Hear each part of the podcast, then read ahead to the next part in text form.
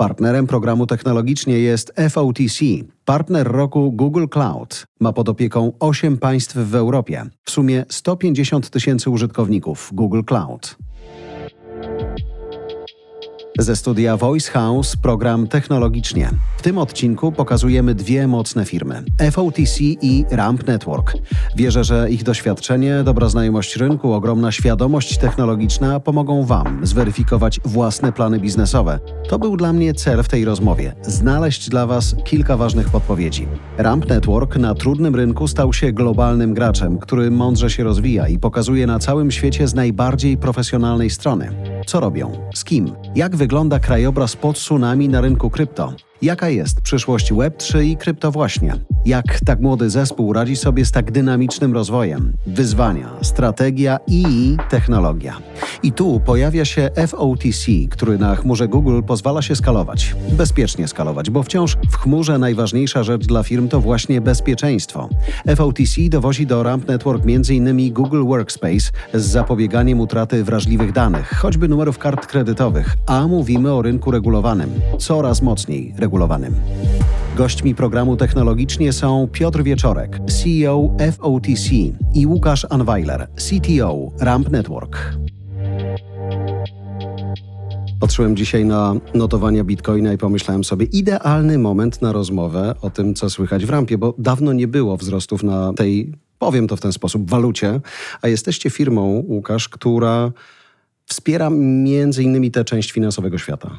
Tak, natomiast jeżeli chodzi o to, czym się zajmujemy, to wydaje mi się, że trochę mniej jakby zwracamy uwagę na tą część taką spekulacyjną tak naprawdę i bardziej patrzymy na całościowo na rynek i na nowych graczy, którzy na ten rynek wchodzą i próbują wykorzystać ten potencjał kryptowalut i świata Web3. To też myślę jest fajne patrząc dzisiaj po kryzysie na tym rynku, czy po weryfikacji na tym rynku, że wy robicie swoje w profesjonalny sposób, trochę wykorzystując tę sytuację do tego, żeby rosnąć. Tak, wydaje mi się, że na dzisiaj największa trudność na tym rynku polega na tym, że jest sporo takich branż, które już są uregulowane. Są pewne branże, które być może czeka regulacja. Takie największe wyzwanie, z którym się dzisiaj mierzymy, to jest to, że to jest branża, która jest w trakcie regulacji i co powoduje wiele gdzieś tam zaskoczeń różnych. Czasami ciężko się do tego przygotować właśnie. Ale jak robić biznes w takim razie, kiedy wchodzisz do środowiska, które nie wie, z czym się obudzi jutro? Wydaje mi się, że na pewno trzeba do tego podchodzić z otwartą głową i z dużą pokorą, dlatego że z kwartału na kwartał czasami te priorytety potrafią się odwrócić. Chociażby sytuacja z zeszłego roku, upadek FTX-a, później dosyć ciekawy początek roku tego, jeżeli chodzi o te wszystkie zmiany z bankami w Stanach. I to powoduje, że wszystkie takie strategie dwu, trzyletnie są gdzieś tam jakimś może kierunkowskazem dla całego zespołu, w którą stronę się poruszamy, ale planujemy bardziej gdzieś tam krótko, średnioterminowo. Masz po jednej stronie kogoś takiego jak Ram, który, tak jak mówi Łukasz, nie możemy myśleć za długą falą, tylko musimy sobie skracać horyzont czasowy planowania, no to oni przychodzą do was i potrzebują raz mniej, raz więcej technologii, czy raz jedną, a raz inną technologię. I to jest wyzwanie. Wyzwanie generalnie, tak jak powiedziałeś Jarku, to przede wszystkim ta nieprzewidywalność, ja bardzo lubię taką analogię, że świat cloud computingu, którym my się zajmujemy jako FUTC, to jest trochę jak prognoza pogody. On jest mocno nieprzewidywalny i tak naprawdę ciężko powiedzieć, jaka pogoda będzie jutro. Natomiast cała jakby klucz tej sprawy polega na tym, że korzystając z technologii chmurowych, ty tak naprawdę jesteś gotowy na każdą pogodę, używając tej analogii, bo tak jak powiedziałeś... Łatwo o nią, tak. Dokładnie tak. Jeżeli potrzebujesz więcej, masz więcej. Jeżeli potrzebujesz mniej, to masz mniej. Ale chyba to, co jest też esencją tej naszej dyskusji, to jest to, że zawsze masz dostęp do najlepszej możliwej technologii na rynku w danym momencie. Dla takiego biznesu jak twój, czy w ogóle dla biznesów dzisiaj, to, żeby to była najnowocześniejsza wersja danej technologii jest najistotniejsze? Czy bezpieczeństwo tam jest istotne? Czy przestrzeń do skalowania się jest istotna? Co gra tutaj główną rolę? Jest kilka takich elementów. Na pewno elastyczność jest na dzisiaj, jakby ze względu na tą nieprzewidywalność, ta elastyczność jest dzisiaj kluczem do przetrwania w ogóle, dlatego że zbytnie skupienie się gdzieś tam na jednej technologii, czy zobowiązanie się gdzieś jakieś bardzo długie w jednym z obszarów może spowodować, że ten biznes za kwartał przestanie istnieć po prostu. Więc to jest jedna z bardziej takich kluczowych rzeczy dla nas, żeby ten biznes był odporny na zmiany na rynku. Jeżeli chodzi o tą nowoczesność technologii, to Wydaje mi się, że tutaj głównie chodzi u nas o wyróżnik, to znaczy mamy ileś podmiotów, które tak samo jak my w tym samym czasie pracują nad tym, żeby być numerem jeden. Ta nowoczesność w naszym wydaniu oznacza zwiększenie efektywności pracy, dlatego że mając tyle samo zasobów czy mniej zasobów od innych firm, musimy być po prostu sprawniejsi w dostarczaniu i wygrywaniu tego biznesu. A ta trzecia część, o której wspomniałeś, czyli bezpieczeństwo, wydaje mi się, że im dłużej jesteśmy na rynku, im większe mamy wolumeny, im mamy większą liczbę partnerów, jest coraz większa widoczność naszej marki u partnerów i na rynku. I to powoduje, że to zaczyna przyciągać coraz więcej różnego rodzaju graczy, którzy chcieliby wykorzystać nas jako swój cel po prostu. Czyli to jest wzajemne lewarowanie się, ale w tym pozytywnym tego słowa znaczeniu, tak? Tak, powiem więcej. Są nawet badania, które mówią, że branża, o której rozmawiamy, finansowa, jest w 43%, bo tak mówi chyba ten parametr, jest branżą, która nie lubi vendor lock-inu, czyli nie lubi się wiązać tylko i wyłącznie z jednym dostawcą danej technologii czy danego rozwiązania, lubi mieć komfort wyboru bądź korzystania z kilku rozwiązań. To jest właśnie fantastyczne, że mówiąc o rozwiązaniach chmurowych, mamy tą możliwość i klient zarówno jak i partner ma tą możliwość. To chciałem zatrzymać się na moment przy chmurze. Możemy śmiało dotykać analogii prognozy pogody, bo chmura nie jest może tylko dla nas tutaj w technologicznie, ale generalnie myślę, że dla naszych słuchaczy też czymś, co jest odkryciem tegorocznym. Chmura z nami już jakiś czas jest. Nie? Dzisiaj zaczynamy ją poznawać. W jakim momencie ona dzisiaj jest? To znaczy ta technologia, co nowego w niej istnieje, co powoduje, że różne nowe biznesy, które się pojawiły, wykorzystujące chociażby dzisiaj najbardziej modną technologię, czyli AI, mogą sobie swobodnie na tej chmurze pływać. Ja ze swojej perspektywy mogę powiedzieć o dwóch scenariuszach. Pierwszy scenariusz jest taki, że absolutnie jesteśmy w samym środku podejścia multicloudowego. A 85% dużych firm mówi, że nie chce być związanym z jednym dostawcą technologii, potrzebuje mieć możliwość swobody wyboru. Natomiast z drugiej strony kojarzę takie badania z zeszłego roku, kiedy przepytano ponad 4000 decydentów tych największych firm, jeżeli chodzi o ich podejście do chmury, na jakim etapie jest chmura i na jakim etapie są ich inwestycje w chmurę. Tu dość zaskakujące, powiedziałbym, chociaż w niektórych obszarach wyniki, bo zdecydowana większość, ponad 30% wskazuje, że chcemy skupić się na aspekcie bezpieczeństwa w wydaniu chmurowym. To, o czym Jarku wspominałeś, AI, to jest zaszczytne trzecie miejsce. 20% firm mówi, że dzisiaj dla nich kluczowym obszarem inwestycji będzie AI. 25% drugie miejsce to mówimy o danych. Jak wiemy dzisiaj dane to pieniądze, to mhm. wiedza, to trendy. Tą listę uzupełniają jeszcze dwa obszary: modernizacja infrastruktury, no i wiadomo, migracja do rozwiązań do infrastruktury chmurowej czy do aplikacji chmurowych, no to jest około 12%. I mały margines, myślę, że to jest era post-covidowa bardzo mocno. 11% firm wskazuje, że chcemy się skupić na produktywności, poprawie komunikacji. Tak? No myślę, że ta lekcja została już przez większość firm od 2019 roku odrobiona. Chodzi o produktywności, Łukasz mówił przed chwilą, to zatrzymał się na razie przy tym, a później skoczymy sobie do pozostałych wątków, bo brzmią ciekawie. Co to znaczy dzisiaj z Twojej perspektywy tak globalnej firmy, tak dynamicznie się zmieniającej, a jednocześnie młodej w jakimś sensie, dobra produktywność? Dobra produktywność to jest możliwość szybkiej adaptacji do tego, co się dzieje na rynku i z tego powodu te rozwiązania chmurowe dają właśnie taką elastyczność. Bo rośnie zespół na przykład? Bo rośnie zespół, bo mamy coraz większych klientów, którzy mają coraz to nowsze wymagania, bo rośnie złożoność problemów, które rozwiązujemy i wydaje mi się, że tak jak kiedyś do chmury podchodzono głównie z perspektywy zmieniających się szybko zasobów, które są potrzebne. Jednego dnia włączamy, drugiego wyłączamy. Jutro jesteśmy gdzieś na pierwszej stronie w gazecie czy w telewizji i nagle przychodzi bardzo dużo użytkowników, bo ktoś o nas napisał i z tego powodu ten ruch gdzieś tam dramatycznie rośnie. O tyle na takim etapie, na którym my jesteśmy jako organizacja, ja widzę tą wartość trochę w innym miejscu już dzisiaj bo ta zmiana ruchu już nie jest aż tak dramatyczna po tych wszystkich wydarzeniach ostatnich 12 miesięcy. Ona gdzieś tam się w miarę stabilizuje. Mm. Plus im jest się większą organizacją, też tym, te zmiany są troszkę już, jakby te wahania są trochę mniejsze.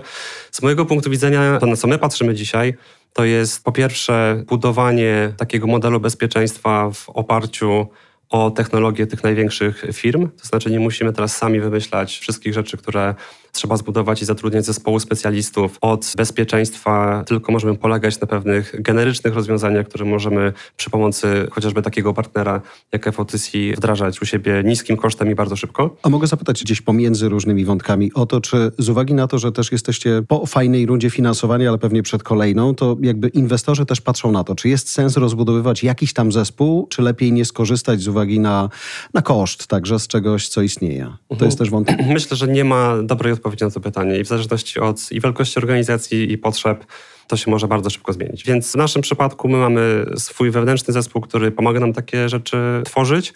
Jednocześnie też wspieramy się partnerami zewnętrznymi właśnie w tym aspekcie. Dodatkowo taka rzecz, która pojawia się, taki problem, który pojawia się przy rosnącej złożoności i wielkości organizacji.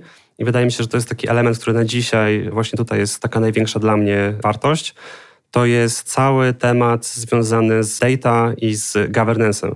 To znaczy, jest coraz więcej regulacji, które pojawiają się na przykład w naszym obszarze. One powodują, że nie można tą firmą już zarządzać czy zespołem w taki sam sposób jak wcześniej. Pojawiają się pewne certyfikacje, pojawiają się potrzeby dokładania kolejnych procesów, tworzenia też takiego śladu po tym, że te procesy zostały wykonane. I tutaj właśnie jest bardzo dużo takich rozwiązań chmurowych, czy nie, na przykład w tym konkretnym przypadku poprzez chociażby łączenie Workspace'a z GCP, tak, z cloudem, które umożliwiają łatwe gromadzenie tych danych i później weryfikowanie na przykład przed audytorem, że pewne zdarzenie miało miejsce. A w waszym przypadku weryfikacje audytorskie to pewnie będzie, już jest jakaś teraźniejszość i pewnie będzie przyszłość, kiedy pojawi się regulacja, o której mówiłeś. Nie? Tak i musimy też być gotowi na to, że bardzo często jest tak, że ta regulacja jest wymagana ileś miesięcy wstecz. No okay. i nagle pojawia się nowa regulacja i mówi, no to poprosimy teraz z ostatnich sześciu miesięcy informację o tym, że ten proces faktycznie się odbywa. Mówiłeś o tym, że multi-cloud jest czymś, co jest właściwie naturalne już dzisiaj, tak? Albo normą. To zastanawiam się, jak się podchodzi do wątku konkurencyjności między kilkoma największymi graczami, którzy dzisiaj te swoje chmury mają. Między Googlem, nie wiem, Amazonem, między Microsoftem. Co w takim razie jest wyróżnikiem jednej, drugiej, trzeciej chmury? Na tak postawione pytanie nie ma jasnej, prostej i łatwej, przyjemnej odpowiedzi. I absolutnie nie chodzi, żebyśmy dzisiaj wchodzili tutaj w dyskusję, która technologia jest lepsza, Dokładnie bo, tak. bo one wszystkie mhm. są na fantastycznym poziomie i musimy to powiedzieć bardzo jasno i klarownie. Natomiast to, jak my patrzymy na technologię, to my patrzymy na technologię przez pryzmat potrzeb naszych klientów. Jeżeli RAMP ma do osiągnięcia konkretne cele biznesowe, to moja organizacja robi wszystko, żebyśmy zjęli z nich odpowiedzialność za infrastrukturę, za rozwój tej infrastruktury, za jej skalowanie, po to, żeby cały zespół Rampa, całą swoją energię, takich jak i wszyscy nasi klienci, mogli włożyć w to, żeby zrobić coś fantastycznego, coś nowego dla klientów. No bo tak dzisiaj wygrywa się biznes. Nie wygrywa się go sensu stricte samą technologią, wygrywa się tym, jak oczarujesz klientów, jak przekonasz ich do korzystania ze swoich usług. I tu jest jakby nasza robota, żeby uwalniać pokłady energii, znając technologię, a znamy się na technologiach Google'owych od 10 lat, bo tyle trwa nasza przygoda z Googlem. I robimy wszystko właśnie, żeby uwalniać jak najwięcej tej energii u naszych klientów, z założeniem tego, o czym dzisiaj cały czas mówimy, z założeniem absolutnego bezpieczeństwa, bo to jest kluczowe. Dzisiaj mhm. bez bezpieczeństwa, cyberbezpieczeństwa nie ma żadnego biznesu. Za chwilę o nim powiem. Zachęcę Was też, żebyście ze mną o tym porozmawiali, natomiast zatrzymam się przy tym, może nie tyle chowaniu się za technologią, co rozumiem ten argument. Technologia jest i wiemy, jak działa, natomiast najistotniejsze jest to, żeby osiągnąć cel, z którym przychodzi firma. Zakładając, że patrzysz na to, jakie firmy dzisiaj w ogóle się pojawiają poza rampem na przykład, to czego im brakuje, kiedy przychodzą do Was i wiemy, że technologię macie, ale oni proszą o uwolnienie przestrzeni na co? Tych obszarów jest kilka, z którymi zmagają się firmy. Znaczy, oczywiście odłóżmy na chwilę na bok bezpieczeństwo, mhm. no bo to dla wszystkich jest priorytet. Patrząc po zatrudnieniach i patrząc po tym, jakich specjalistów na dzisiaj szukają firmy, które korzystają z technologii cloudowych, to jednym z takich obszarów na pewno są oszczędności. Wszyscy szukają osób, które pozwolą optymalizować koszty, pozwolą wykorzystywać technologię w dużo bardziej efektywny sposób, płacąc generalnie za nią dużo mniej. To jest na pewno duży obszar do poprawy i tutaj klienci potrzebują masowo wsparcia. Na pewno takim obszarem, ale on dotyczy całego rynku i jest dużym też w jakimś stopniu stop-blockerem dla rozwoju całego rynku i każdego biznesu, to są kompetencje. Umówmy się, że na rynku tych kompetencji cloudowych jest mniej niż potrzeb. Więc jakby wszystkie działania, które zmierzają do tego, że można certyfikować inżynierów albo dawać ludziom dostęp do tej technologii, do lepszych kompetencji, będzie na pewno czymś, co zaprezentuje dla każdej firmy. I to też jest trochę nasza rola, edukować rynek, pomagać naszym klientom budować wewnętrznie swoje kompetencje, no bo wtedy oni mogą z tej technologii zrobić użytek. Więc na pewno te dwa obszary są kluczowe, przynajmniej z mojej perspektywy. To ja dokładam, albo właściwie wracam do tego bezpieczeństwa i pytanie do ciebie, Łukasz, może będzie zbyt filozoficzne, wybacz, ale co to znaczy dzisiaj robić bezpieczny, ale nowoczesny i dynamiczny biznes? Rzeczywiście bardzo wysokopoziomowe pytanie. Przyjmę odpowiedź, to zależy, ale rozwiązanie też. Mhm.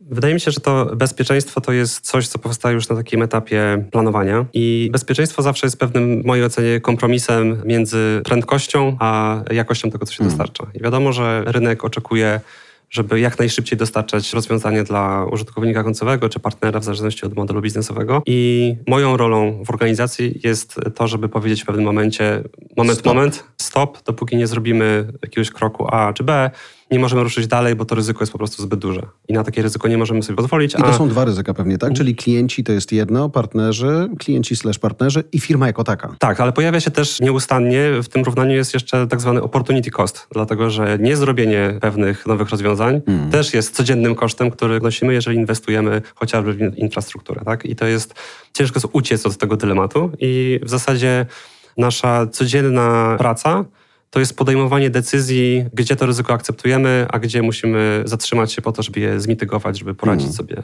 Czyli to jest permanentne też patrzenie na to, co robi konkurencja. Niezależnie Tak, od tego, jak jest silna. tak. Mhm. Mhm. I patrzysz, że oni mogą w to pójść, więc my, nawet jeżeli chciałbyś powiedzieć hola, hola, nie teraz, Mhm. to musisz zważyć, czy czasem zatrzymanie się teraz nie będzie zbyt kosztowne. Tak, z tego powodu, że może pojawić się pewna luka na rynku i ta firma w niektórych przypadkach wykorzystanie takiej luki, czy pojawienie się pewnej szansy na rynku i wykorzystanie tego jako pierwsza firma daje pewne benefity, tak? Mhm. I później bardzo trzeba się natrudzić, żeby odzyskać ten czas i ten wysiłek w zdobywaniu na przykład kontraktów, tak? Dodałbym do tego, co Jarku powiedziałeś a propos patrzenia cały czas na konkurencję, to z perspektywy bezpieczeństwa my rekomendujemy patrzenie bardzo mocno na użytkownika końcowego.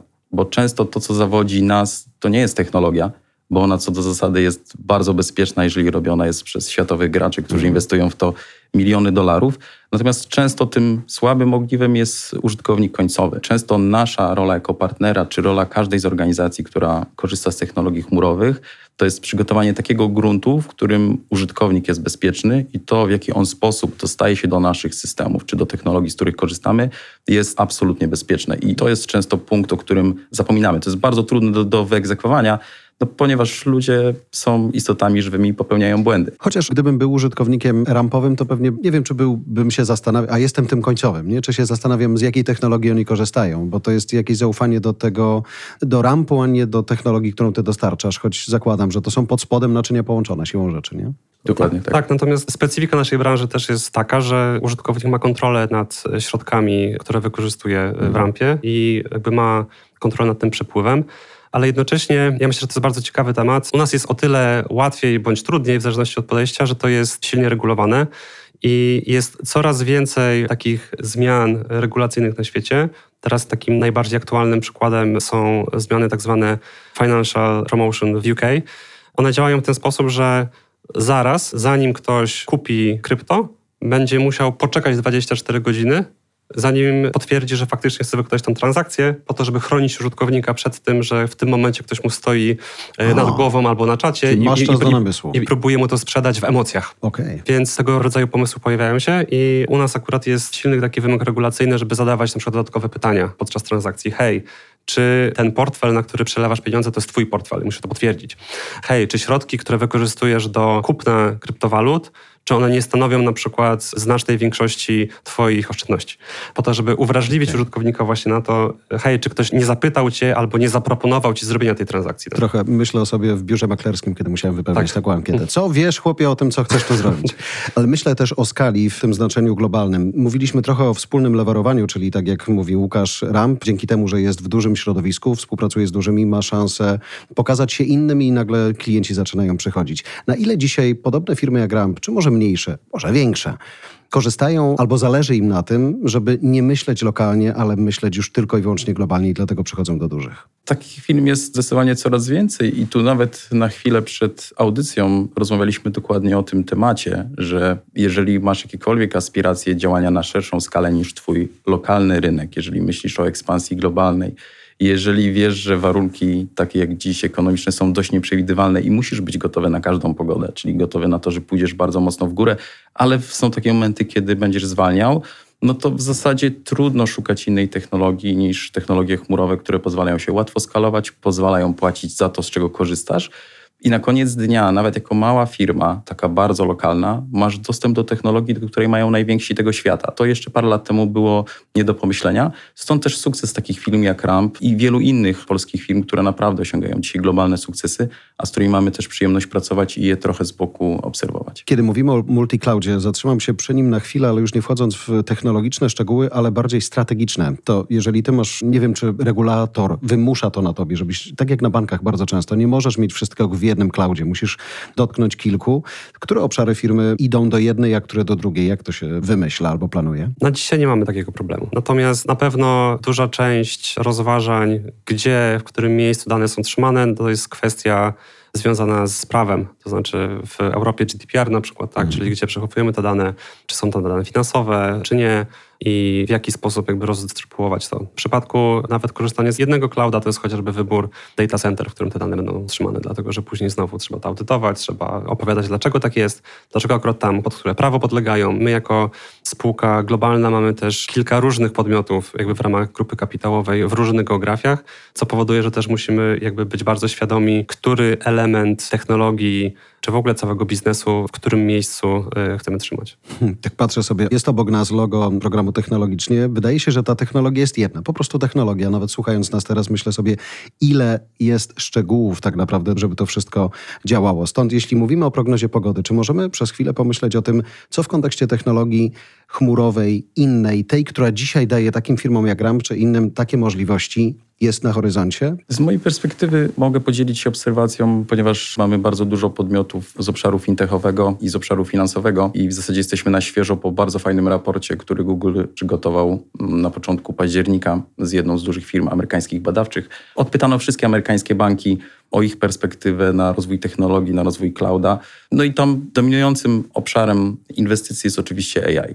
No i padło pytanie, jak te banki Ameryki Północnej wyglądają w kontekście rozwoju AI. I to jest zaskakujące, bo 47% deklaruje, że jest dzisiaj na etapie proof of concept. To znaczy, że to Dopiero. nie jest tak. Albo, aż. albo w zasadzie z mojej perspektywy, moim zdaniem, już bardziej aż, no bo jeżeli w banku jesteś na etapie proof of concept, te decyzje A, zapadają no tak, tam tak, trochę tak. wolniej, to, to jesteś jakby bardzo daleko. Natomiast z drugiej strony, to o czym dzisiaj sobie też dużo rozmawiamy, największym stop blockerem znowu dla rozwoju technologii są regulacje, bo one generalnie za rozwojem technologii nie nadążają i w przypadku sztucznej inteligencji widać to nad wyraz mocno, hmm.